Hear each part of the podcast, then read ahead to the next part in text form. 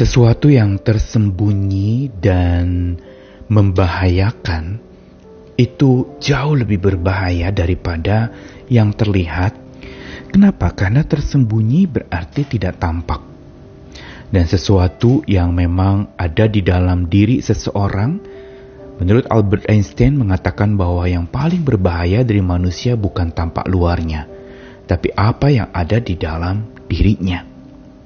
Dan karena itu ini menjadi sebuah pemahaman yang perlu membuat kita sebagai orang-orang percaya untuk berhati-hati dengan sesuatu yang bukan ada di luar diri kita, tetapi justru di dalam diri kita. Apakah yang ada dalam diri kita? Pastinya hati, urusan batin, pikiran, akal budi. Itu tidak terlihat dari luar. Dan saat di mana kita lalu kemudian mendengar tentang berita bahwa suara hati itu selalu benar, tutur-tutur kita yang dari batiniah kita itu selalu tidak pernah salah. Justru di sinilah titik waspada kita perlu tingkatkan.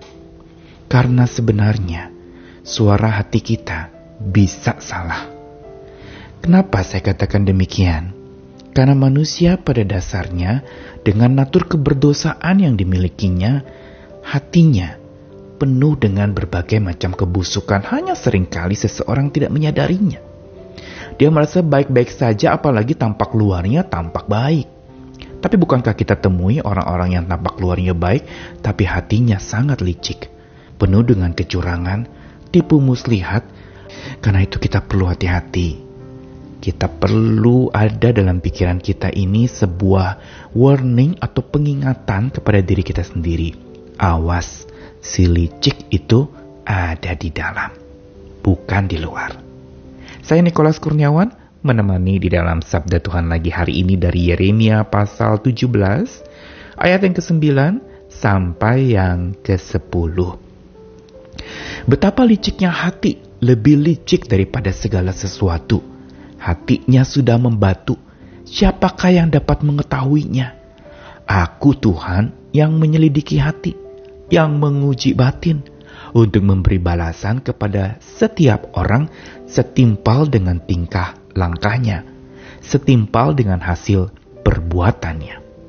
Yeremia 17 adalah sebuah teguran keras dari Tuhan melalui Nabi Yeremia kepada bangsa Israel, umat pilihan Tuhan ditujukan kepada Yerusalem dan Yehuda. Yerusalem adalah pusat ibadah, dan Yehuda adalah suku pilihan Tuhan yang menurut apa yang dicatatkan melalui keturunan Yehuda itulah lahir Mesias, sang penyelamat dunia.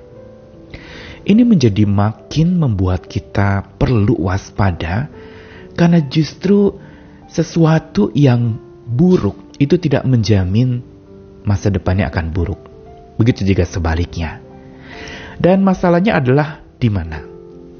Nabi Yeremia mengingatkan sesuatu yang paling krusial, yang paling esensial, sekaligus paling penting untuk diwaspadai di dalam diri seseorang, yaitu hati manusia.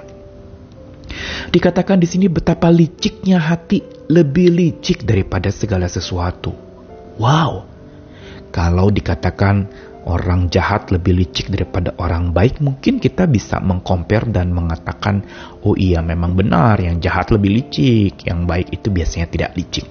Tapi ini bukan pembandingan antara yang baik dan yang jahat. Tapi dikatakan paling licik dari segala sesuatu. Berarti kelicikan hati di dalam diri manusia yang tak tampak di luar itu lebih berbahaya, lebih mengerikan dan Alkitab bahasa Indonesia digunakan kata hatinya sudah membatu. Berarti sudah tidak punya perasaan lagi, sudah tidak ada yang namanya empati atau simpati, tidak ada lagi hati yang tenggang rasa, peduli, berbela rasa. Benar sekali digunakan kata licik dalam bahasa Ibrani adalah akop yang artinya adalah sesuatu yang tersembunyi, sesuatu yang membahayakan, sesuatu kebusukan hati atau akal busuk yang ada di dalam diri seseorang. Insidious. Ini sesuatu yang juga deceitful, bohong, penuh kepalsuan, dusta dan memperdaya orang lain. Dan menarik sekali kata akop ini juga. Arti yang ketiga adalah track by fingerprint, yang berarti adalah hanya bisa dilacak lewat sidik jari. Apa maksudnya? Berarti ini adalah sebuah identitas sekaligus ciri khas yang dimiliki tiap orang dan masing-masing berbeda-beda seperti sidik jari itu. Dan sidik jari tidak terlalu diperhatikan orang, orang hanya akan melihat tampak luarnya yang kelihatan baik. Bukankah ini yang sering kali kita melihat orang hanya tampak luarnya santun luar biasa, kata-katanya enak, banyak senyum. Wow, luar biasa kita bisa kagum mungkin dengan orang-orang yang seperti itu tampak berwibawa. Luar biasa, tetapi kelicikan hati siapa yang tahu? Tak ada satupun, hanya Tuhan sang penyelidik hati. Makanya di dalam ayat 10 dikatakan, Akulah Tuhan yang menyelidiki hati, menguji batin, dan memberi balasan kepada setiap orang sesuai dengan tingkah langkahnya yang dari hati yang licik, lahir tingkah langkah yang licik, dari hati yang penuh dengan kecurangan, maka ada perbuatan-perbuatan kecurangan yang dilakukan. Ini tanda awas buat setiap kita.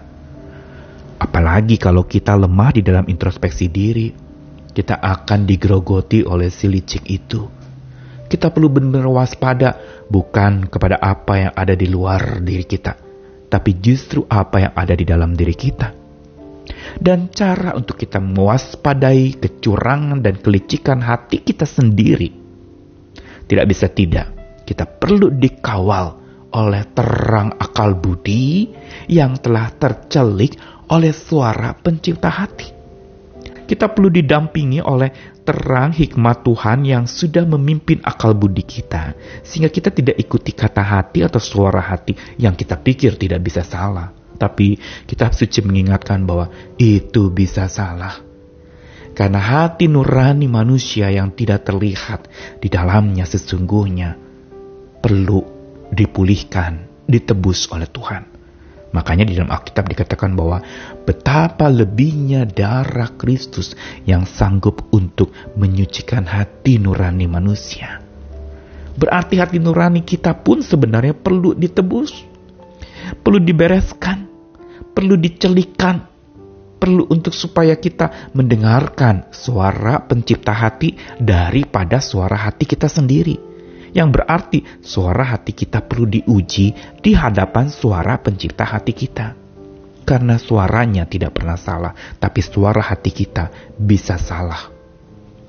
Atau yang kita pikir itu sesuatu yang baik-baik saja, ternyata di dalamnya mengandung sebuah pementingan diri sendiri, egoisme, segala macam kecurangan yang tersembunyi.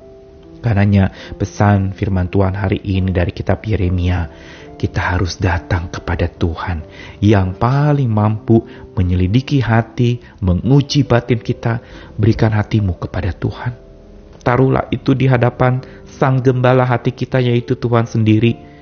Minta Tuhan menyelidiki hati kita dan mari kita rutin menyelidiki periksa hati kita. Masihkah hati yang murni, hati yang tidak berpikir buruk, hati yang selalu hidup di dalam terang kasih Tuhan tanpa kebencian, tanpa kecurangan, tanpa sebuah amarah. Karena itu, kitab suci mengingatkan bahwa dalam hati ketika kita benci sesama kita, itu sama dengan pembunuh.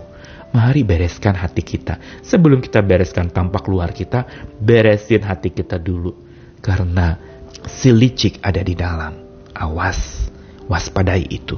Bersama dengan Tuhan, mari kita berjalan dan mohon biar Tuhan mengawal kita dengan suaranya yang akan menerangi akal budi kita sehingga makin celik, makin kita cerdik, dan makin kita punya pribadi yang terus dibaharui oleh kasih Tuhan. Dengarkan suaranya, jangan suara hati kita. Tuhan tidak pernah salah, kita bisa salah. Mari bersandar kepada yang tidak pernah salah. Tuhan mengasihi kita sekalian, ayo berjuang lagi. Tuhan mau memulihkan hati kita. Dari pulihan hati, maka kepulihan tampak luar kita akan baik. Dan setelah itu, baru pemulihan sekitar kita, dunia kita, bumi kita, itu baru terjadi. Tuhan mengasihi kita sekalian. Amin.